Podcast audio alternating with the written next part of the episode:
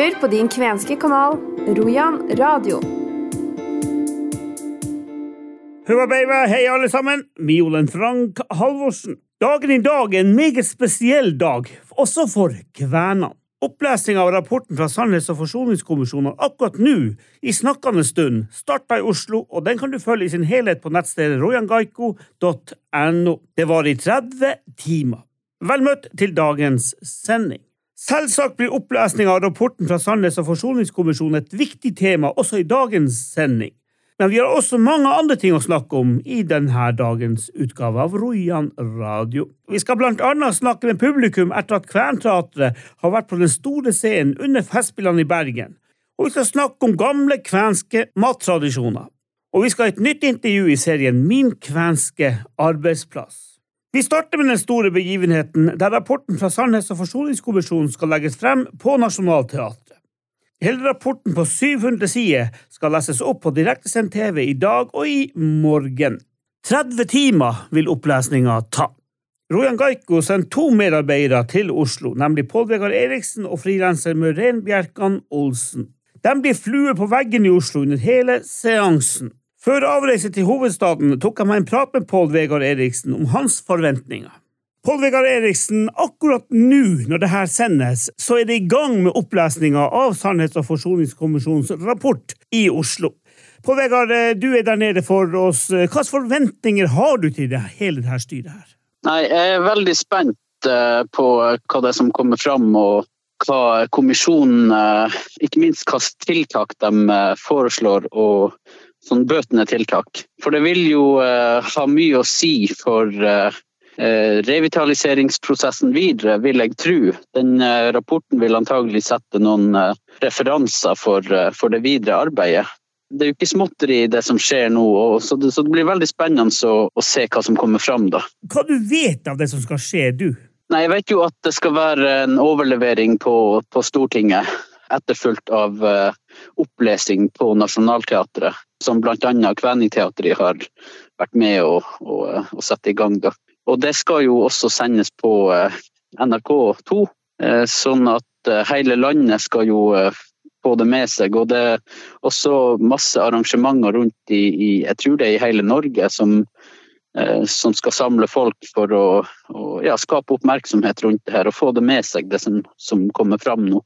For det heter vel Hele Norge lytter, og det skal være sånne samlinger rundt omkring. Alt fra bibliotek, høyskole, universitet. Så eh, det blir en stor ståhei. Hvordan skal du og Møren Bjerkan Olsen jobbe der nede? For jeg har jo akkurat nevnt at dere er der begge to. Vi skal jo prøve å få med oss uh, det meste, går jeg ut ifra. Og, uh, skal vi også snirkle oss inn på noen av de leserne som vi tenker kanskje skal lese det som er mest relevant for, eh, for det kvenske. Men nå vet vi jo ikke hvordan denne rapporten er bygd opp. og det har vært litt vanskelig å planlegge for en journalist hvordan, ja, for det blir mye, man skal løse det. Må, det. det må jobbes litt på sparket her, nemlig. Må, man må være journalist der nede. Det er det det handler om. Spør og grev. Ja, ja. ja og, og, du kan si at det er kanskje ikke så synd i oss, det er jo like synd i dem som, som skal lese. For de vet jo heller ikke på forhånd, iallfall ikke lenge før, hva de skal lese. Det er ikke sånn at de får det tilsendt eh, i forkant for å øve seg eller noe sånt. De får det så å si rett i fanget. Sånn at um, sånn er det, og det, det, får bare gå som det går, men det går helt sikkert bra. Det er jo et opptak som er gjort et par-tre dager før dere reiser for at det skulle nå bli ferdig i sendinga. Vi vet jo at uh, Villen Yttergård Jacobsen hun skal lese, Rune Sundelin fra Alta skal lese. Vet du noen flere? Akkurat nå har jeg ikke eh, lista Nei, jeg, jeg tør ikke å, å, si noen navn her og nå. Men det kommer nok sikkert noen fra Kveneteatret, blant annet. Sannsynligvis eh, fra Nordreisa, hvor du er, og ikke minst sannsynligvis flere fra det kvenske miljøet rundt omkring i hele Norge, vil jeg tro. Det er det vi er forespeila, så det, det, det, går jeg ut ifra. Ja, er du spent? Er du eh, forventningsfull? Ja, det må jeg kunne si. Jeg er veldig forventningsfull.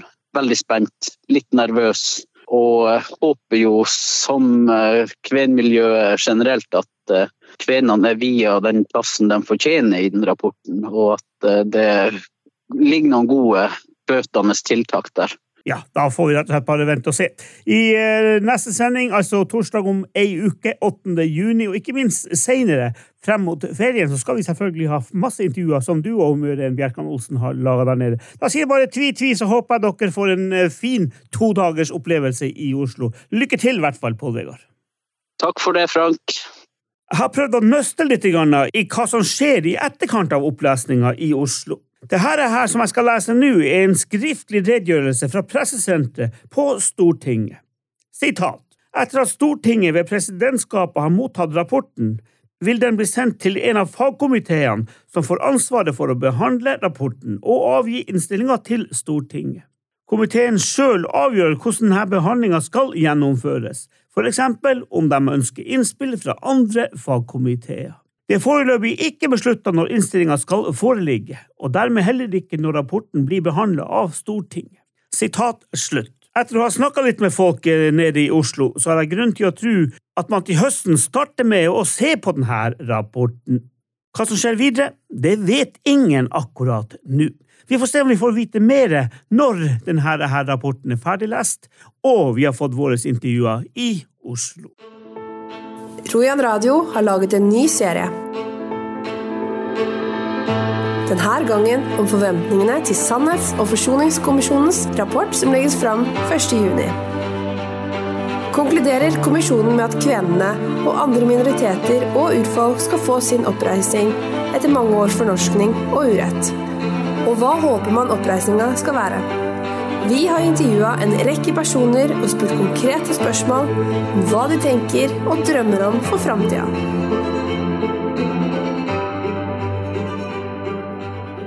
I dag er turen kommet til Vilde Kristoffersen Walsø, som er generalsekretær i Norske Kveners Forbund. Hun har tidligere sittet i forbundsstyret, og hun har også vært med og etablert lokallaget i Midt-Norge. Tror du at kommisjonen i det hele tatt, det arbeidet de gjør, det de skal legge frem 1.6, at det får noe betydning? Ja, det tror jeg det får. Vi får jo se hvordan Stortinget følger opp rapporten. Men i hvert fall så vil jo både Stortinget og majoritetsbefolkninga få, få, tilgang til informasjon som, som jeg, jeg, håper de benytter anledningen til å ta til, til seg den informasjonen som er i den rapporten. Men uansett så vil det jo føre til en økning i kunnskapen om om samer, kvener og skogfinner. Vi har Sametinget. Kan kventing være noe som kan uh, komme på banen, tenker du? Jeg vet ikke om det egentlig er veien å gå. Det som jeg tenker er viktig, det er jo at myndighetene i samarbeid med kvenene får på plass noen ordninger for at, uh, for at vi blir tatt med på råd i de sakene som angår oss. Og for at kvenene får en reell mulighet til, til påvirkning i de sakene her. da. I NKF-RK så har jo et direktorat for nasjonale minoriteter vært opp som tema tidligere. Eh, og jeg tror nå egentlig at det kan være en, en vel så god løsning.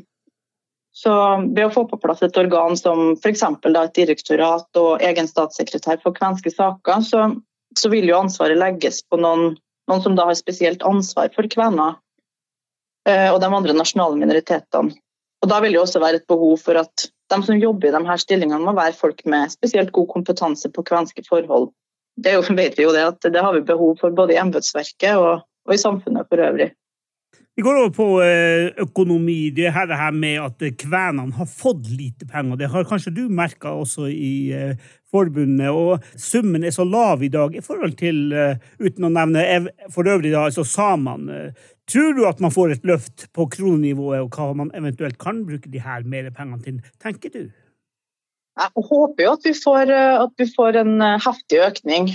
Eh, og da har vi jo har masse ideer til hva vi, hva vi, kan bruke pengene på. Jeg vil gjerne høre dem, vet du.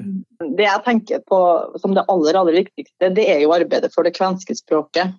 Og det må jo brukes mye mer penger på rekruttering av lærerstudenter. Eh, som ønsker å undervise i kvensk, og i tillegg også på videreutdanning av dem som allerede er lærere og som ønsker å forbedre språkkunnskapene sine for å undervise i kvensk. Så tenker jeg altså Det er viktig å spre kunnskap om den kvenske folkegruppa og de andre nasjonale minoritetene til resten av den norske befolkninga. Og På den måten så, så, vil man jo også øke anerkjennelsen av folkegruppene, og dermed også øke selvfølelsen i de forskjellige, i de forskjellige folkegruppene. Da er noen av de eh, viktigste tiltakene som jeg tenker, tenker, bør komme på plass eh, så fort som mulig, egentlig. Går det an å sette frem en sum, eller blir det bare tull og tøys? det? Syns jeg det er vanskelig å si sånn på stående fot. Men det handler om Eh, penger. Det handler om mer penger. Rett og slett mer penger. Ja, det gjør, altså det gjør jo det. for Man trenger å, å få lønna folk, og man trenger rett og slett penger for å få gjort det arbeidet som trengs.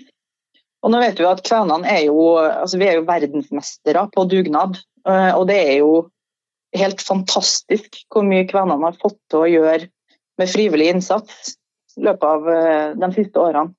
Det er på tide at eh, det kommer på bordet noe penger. altså. Skal ikke utnytte eh, det at, eh, at kvenene er, er så engasjert og er så villige til å, til å jobbe på dugnad. Det er ikke riktig at, de at det er kvenene som skal, skal gjøre det her frivillig. Og da er det vel også over på neste tema. Det handler vel også da om penger når det gjelder kultur.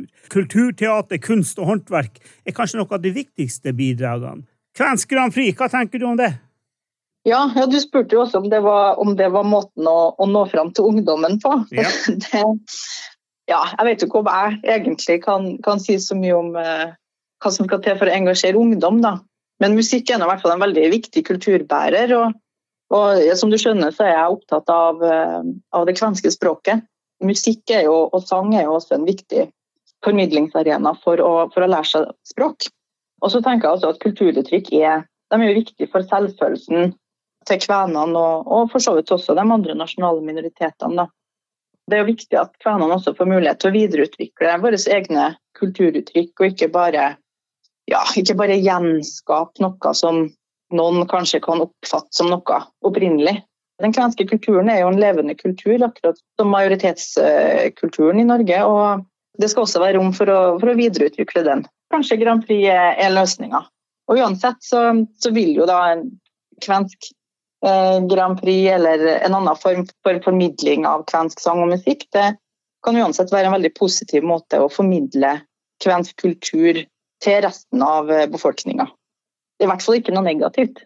Og så har du sjøl fremma det her med kvensk språk og berge det kvenske språket. Tror du man blir løfta såpass at man får såpass mye penger at man kan få en undervisning for å løfte det kvenske språket, gjerne opp på nivå tre?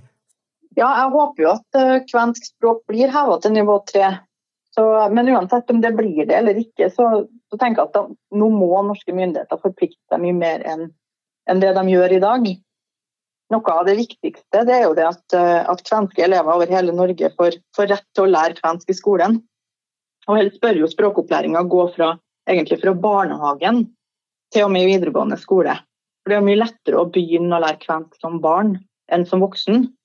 Og ved å opprettholde denne kvenskopplæringa gjennom hele skoleløpet, så bidrar man jo også til rekrutteringen av framtidige kvensklærere. Språket er noe av det viktigste vi har, er ikke det det?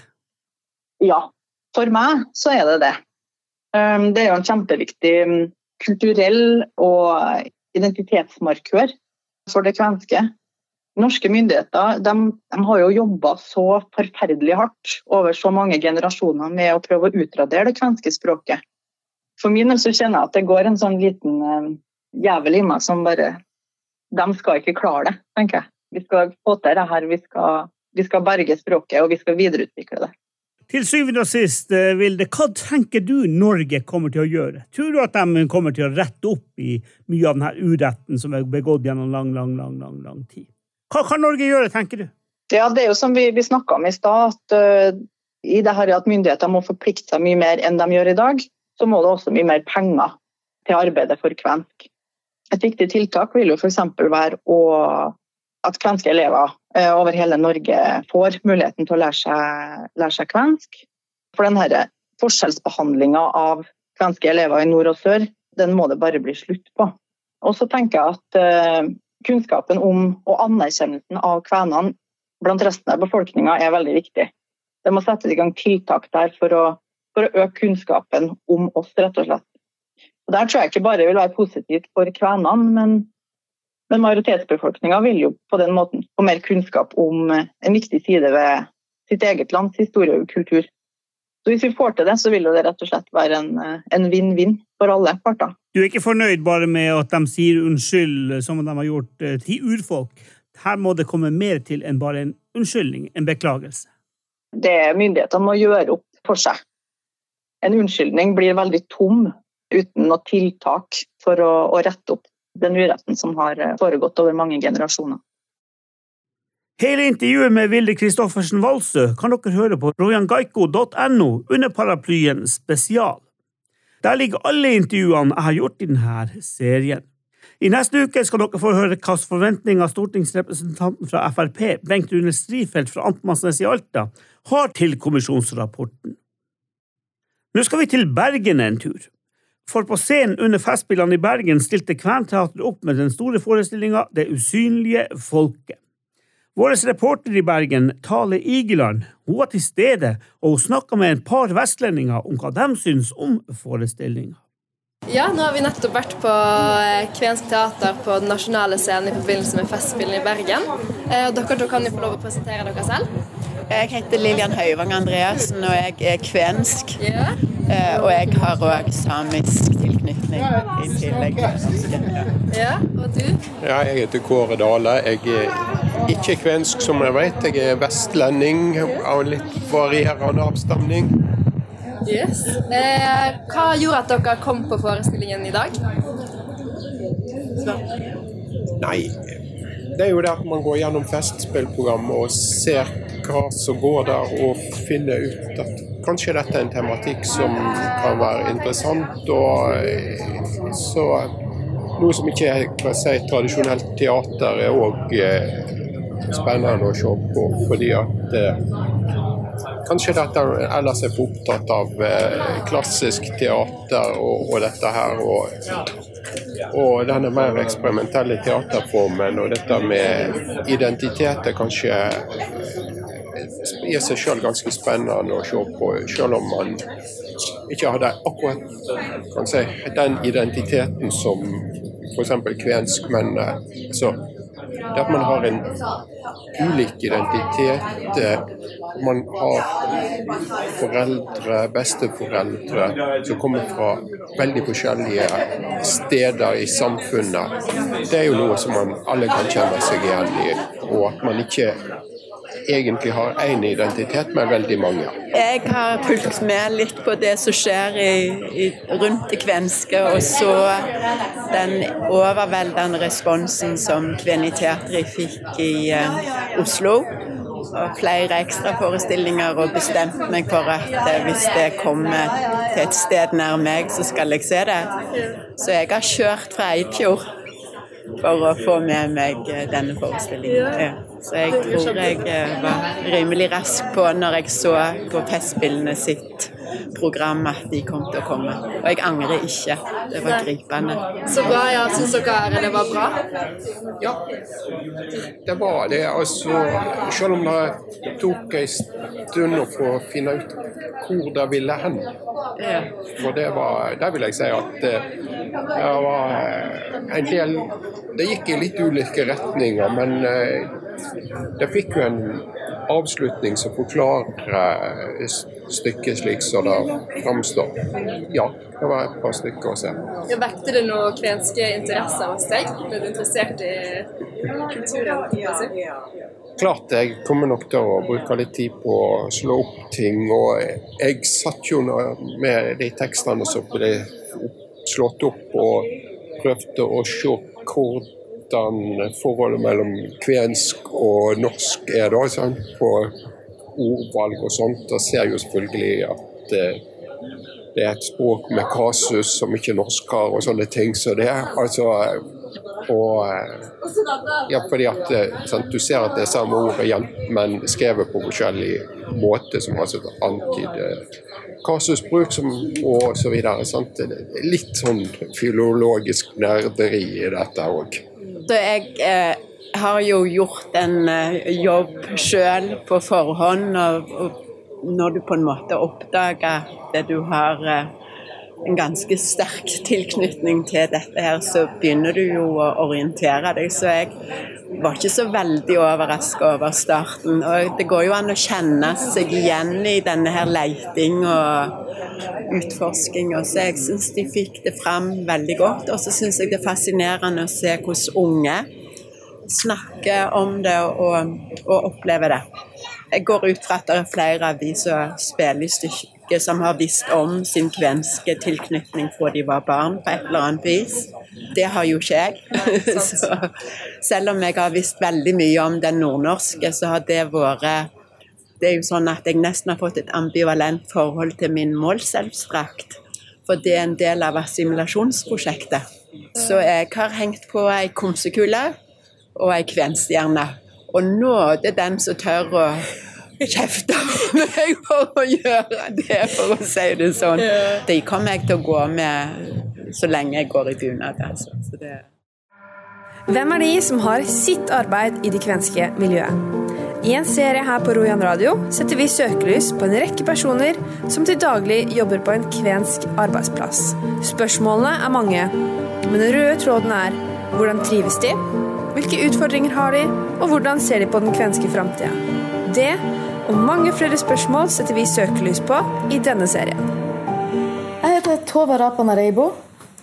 Jeg er språkarbeider på Halti kvenkultursenter. Leve og ånde for det kvenske. Det kan man kanskje si. Jeg har i hvert fall eh, klart å finne en jobb hvor jeg får gjøre det jeg liker å gjøre på fritida også. Så det er jeg veldig fornøyd med. Hvor lenge har du holdt på med det kvenske arbeidet? Siden 2011. Så jeg, har jo, eh, jeg starta med en ganske liten eh, prosentstilling, som etter hvert er blitt til en 100 %-stilling. Jeg jobber nok mer enn det, og jobber også på fritida med, med kvensk. Du har jobba 11-12 år innenfor det kvenske. Hvilken utvikling syns du det har vært innenfor det kvenske? Da jeg starta, var kvensk veldig ukjent. Ikke bare for meg, men, men også for, for, folk vi møtte. Det var ingen som hadde hørt om kvensk. Eh, det var lite etterspørsel etter kurs. Vi hadde faktisk eh, Vi reiste rundt på eh, Baskevika med sånn 'meld dere på til språkkurs', og fikk ingen interesserte i alle seks kommunene våre. Nå ser vi at stadig flere spør om kurs, de spør om at vi skal holde foredrag. De spør om innlegg, de spør, spør om å ha oss som samarbeidspartnere. Det er enorm økning i aktivitet, både hos oss og hos andre. Kventeatret har jo gjort eh, en en, et stort hopp fremover for hele det kvenske miljøet. Og ja, vi ser at, at, eh, at, det stadig dukker opp nye folk som holder på med kvensk i en eller annen sammenheng. Det dukker opp nye folk på møter, det kommer nye som vil være med på det her. Men det går seint, gjør det ikke det? Hvis man skal stikke fingeren i jorda? Det som er, er litt av problemet, er jo at når etterspørselen øker, når eh, arbeidsoppgavene øker, så er det jo et problem når ikke ressursene øker i samme grad. Eh, for vi har ikke tid til alt vi ønsker å gjøre. Dere har ikke penger til det heller? Vi har ikke penger til det, altså vi har ikke ressurser til å sette folk inn. At området for det kvenske øker dramatisk. Før var det jo Troms og Finnmark, altså noen få rundt omkring ellers i landet som holdt på med kvensk. Nå eh, er det mye større åpenhet. Folk eh, i hele landet spør om, eh, om hjelp til å finne ut av hva kvensk er, og hvordan man kan eh, lære seg språket. Og Kvæniani, som, som jeg også er, er dirigent for, vi har nå et treårig prosjekt hvor vi skal reise rundt i hele landet for å, å møte kvener andre plasser.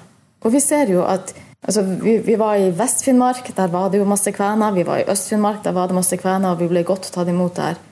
Vi har også vært i Midt-Troms, som er litt utafor. Vi har vært i Lenvik og i Brøstadbotn. Og opplever at der også sier folk at ja, men vi er jo kvener. Endelig fikk vi høre noe kvensk her hos oss.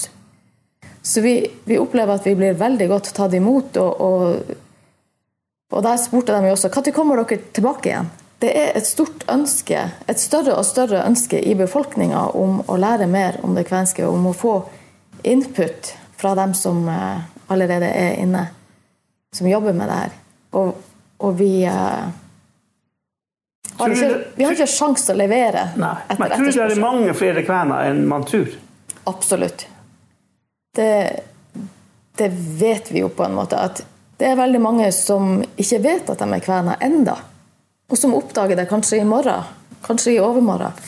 Så andelen av eh, bevisste kvener vil jo også øke etter hvert som eh, kunnskapen om det kvenske blir mer og mer allmenneie. Men I utgangspunktet så jobber du med språk. Er kvensk dødt, eller eh, ser du et håp for dem også? For det kvenske språket? Jeg ser absolutt et håp for språket. Vi er, vi er mange som jobber med å få kunnskapen om det kvenske språket ut. Om vi ser at flere og flere ønsker å lære seg språket, også blant de unge. Og det er jo dem som er på en måte håpet for framtida. At de, etter hvert som de stifter familie, kanskje lærer språket til uh, ungene sine. Jeg vet at det finnes en håndfull med familier som allerede har kvensk som språk i familien. Og det, det, gjør jo virkelig at man kan tro at det her uh, ikke kommer til å dø ut i, i dagligbruk heller. Men så er det jo det at uh, vi må lære ungene først, og det er jo du jobber med man må lære ungene det her nå. For at de, gamlingene i Gåsøya de er vel omtrent på tur ut. Eh, en ting er jo at, at, de eh, blir færre og færre for hvert år som går. Men de er heller ikke vant til å bruke språket i lag med ungdommen. Så, så de eh, overfører ikke språket til, til sine slektninger, stort sett. Så det er veldig viktig med sånne tiltak hvor man kommer ut i barnehager, ut i skoler for å lære språket videre. Jeg opplever jo at uh, ungene tar det jo veldig fort. Når jeg kommer til barnehagen, så kommer til og med toåringene og sier 'Mosta'. Her er Mosta. Det er svart. De kan og, og tar til seg språket veldig lett og, og, er veldig opptatt av det. Og det gir håp for at man, man skal kunne komme en vei. Vi hørte her Tove Rapana Reibo fra Halti kvenkultursenter i Nordreisa. Vi har flere intervjuer i denne serien, så det er bare å følge med. Alle intervjuene i denne serien kan dere finne under rojangaiko.no under Fan spesial. Nå skal det handle litt om mat. For et par uker siden fant vi i Rojangaiko ut at det å snakke om gamle kvenske mattradisjoner ville være bra for alle og enhver som hører på sendinga. Da tok vår frilanser Møren Bjerkan Olsen mikrofonen fatt, dro til Børselv, og der traff hun Nanna Salamonsen. Her får dere en ny episode om Nanna og hennes mattradisjoner. Jeg tipper at dere får mange gode tips her. Einebær plukker dere? Ja, ja. men det må bruke, bruke tørkene og så knuse det ha i, i sausen. Det gir veldig god smak. Kan du spise også. Gjør modne einebærene. Jeg er bare tydelig på det. så du bor egentlig midt i matfat? Ja, vi har jo bare rundt, rundt oss her. Laksen har vi elva rett ned for eiendommen her. ja. Men det er ikke det at der fisker jeg alltid fisker. Bjørn bruker å fiske om sommeren. Så da får dere laks? Vi får nå litt laks. Jeg fikk noen tre laks i sommer. Pappa da han levde, han brukte å fiske. Så vi hadde litt laks om sommeren. Og så han salta, så etter at vi fikk fryseren, så satt, eh, frøs vi det ned. Røyka laks også? Ja. Mamma ble lagd som passende stykker og hadde i poser og fylte med, med kaldt vann, sette i fryseren. Det var liksom det mer som vakuumpakka, at det ble ødelagt. Hun var tidlig ute. Pappa ble det sier hva du har tenkt å fylle hele fryseboksen med vann. For laksen holdt seg fersk der når du var inni. Det er klart den gjør det. Vi hadde ikke vakuummaskin den gangen, vi brukte vann isteden. Men det var jo veldig lurt. Ja visst. Så det holdt seg fersk hele tida. Især fisk som vi skulle ha til, eh, til julaften og, og koke det. Så gjorde vi det. Ellers så er det, har vi omtrent den vanlige maten som, som, vi hadde før oss. Vi lagde jo blodpannekaker og blodklubb og, blodpudding og blodpølser. Det brukte jo ha lammetarm eller tarmer til, til sauene. Og vaska og skrapte og hadde eddikvann og salt. Og så vaska den inn, så brukte vi fylte med blod oppi grovmel og krydder i, i blod, og så blanda vi så passende tjukk rød og hadde inni tarmene. Kokte i. Først kokte vi kjøttet i, i gryta. så når kjøttet var kokt, så satte vi tarmene, eller det er pølsene oppi det der vannet. til tarmene, eller pølsene i det. Frøs dere det ned igjen, da? Sånn at dere hadde Nei, Som regel mamma brukte å lage bare etter hvert som vi spiste. Sånn som blodmat og sånn. Det var jo til et par dager. Det kunne jo bare stå i kjelleren. Hun er fryktelig ivrig med den blodmaten. Jeg lager også, har lagd i år, og så skal jeg lage mer. Jeg fikk blod hos en som slakta var som spurte, og så har jeg tatt flere, flere liter blod til meg. Skal gi til søsknene mine. Invitere dem til blodmat. Ja, det er nok populært, det. Ja, visst er det det. Du er jo vant med den maten. Ja, men det er fint å eh, ta tradisjonene videre. Ja visst. Ja. Er det noen av dine barn og barnebarn som ønsker å lære? Nele hun, hun et ikke blodmat heller. Hun sier Nei. fy, nå er det blod.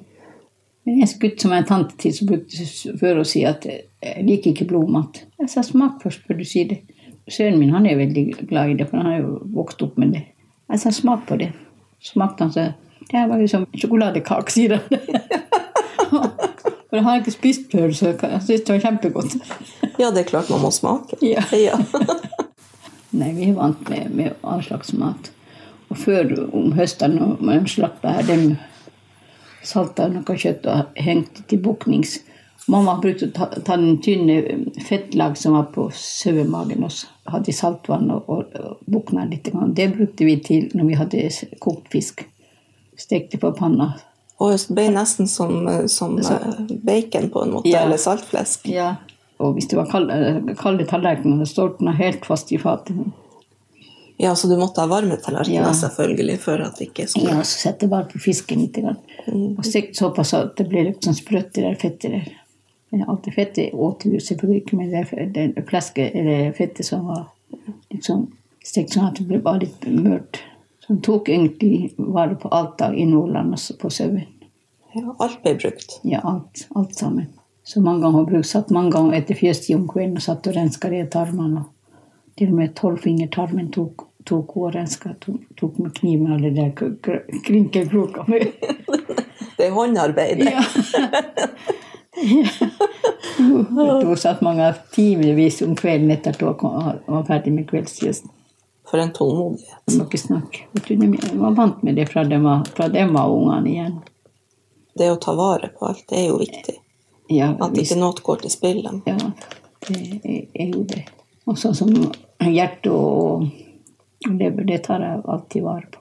Lever av stekegull blir kjempegod. Leverbiff. Tidligere lagde jeg leverpostei også. Det er jo veldig godt. Ja, visst er det det. Ja. Dere er ferdig med dyrene. Jeg skal ikke slutte med, med Stein og Bjørn til hva du skal med gamle kjerringa gjøre i fjøsen. Jeg var jo mange og 70 år da jeg slutta. Ja, men da har du holdt på med det Ja. lenge. Da jeg begynte, overtok fjøsen etter at eh, internatet ble nedlagt. Jeg jobba på internatet Det var dagens sending. Mitt navn er Frank Halvorsen. Ansvarlig for denne sendinga er Rojan Gaiko-redaktør Arne Hauge. Jeg er tilbake torsdag 8. juni klokka 11, og da kan jeg love dere flere intervjuer fra Sannhet og forsoningskommisjonens fremlegging i Oslo. Vi gleder oss. Frem til da ønsker jeg alle sammen en fin, fin uke. Hyvesti!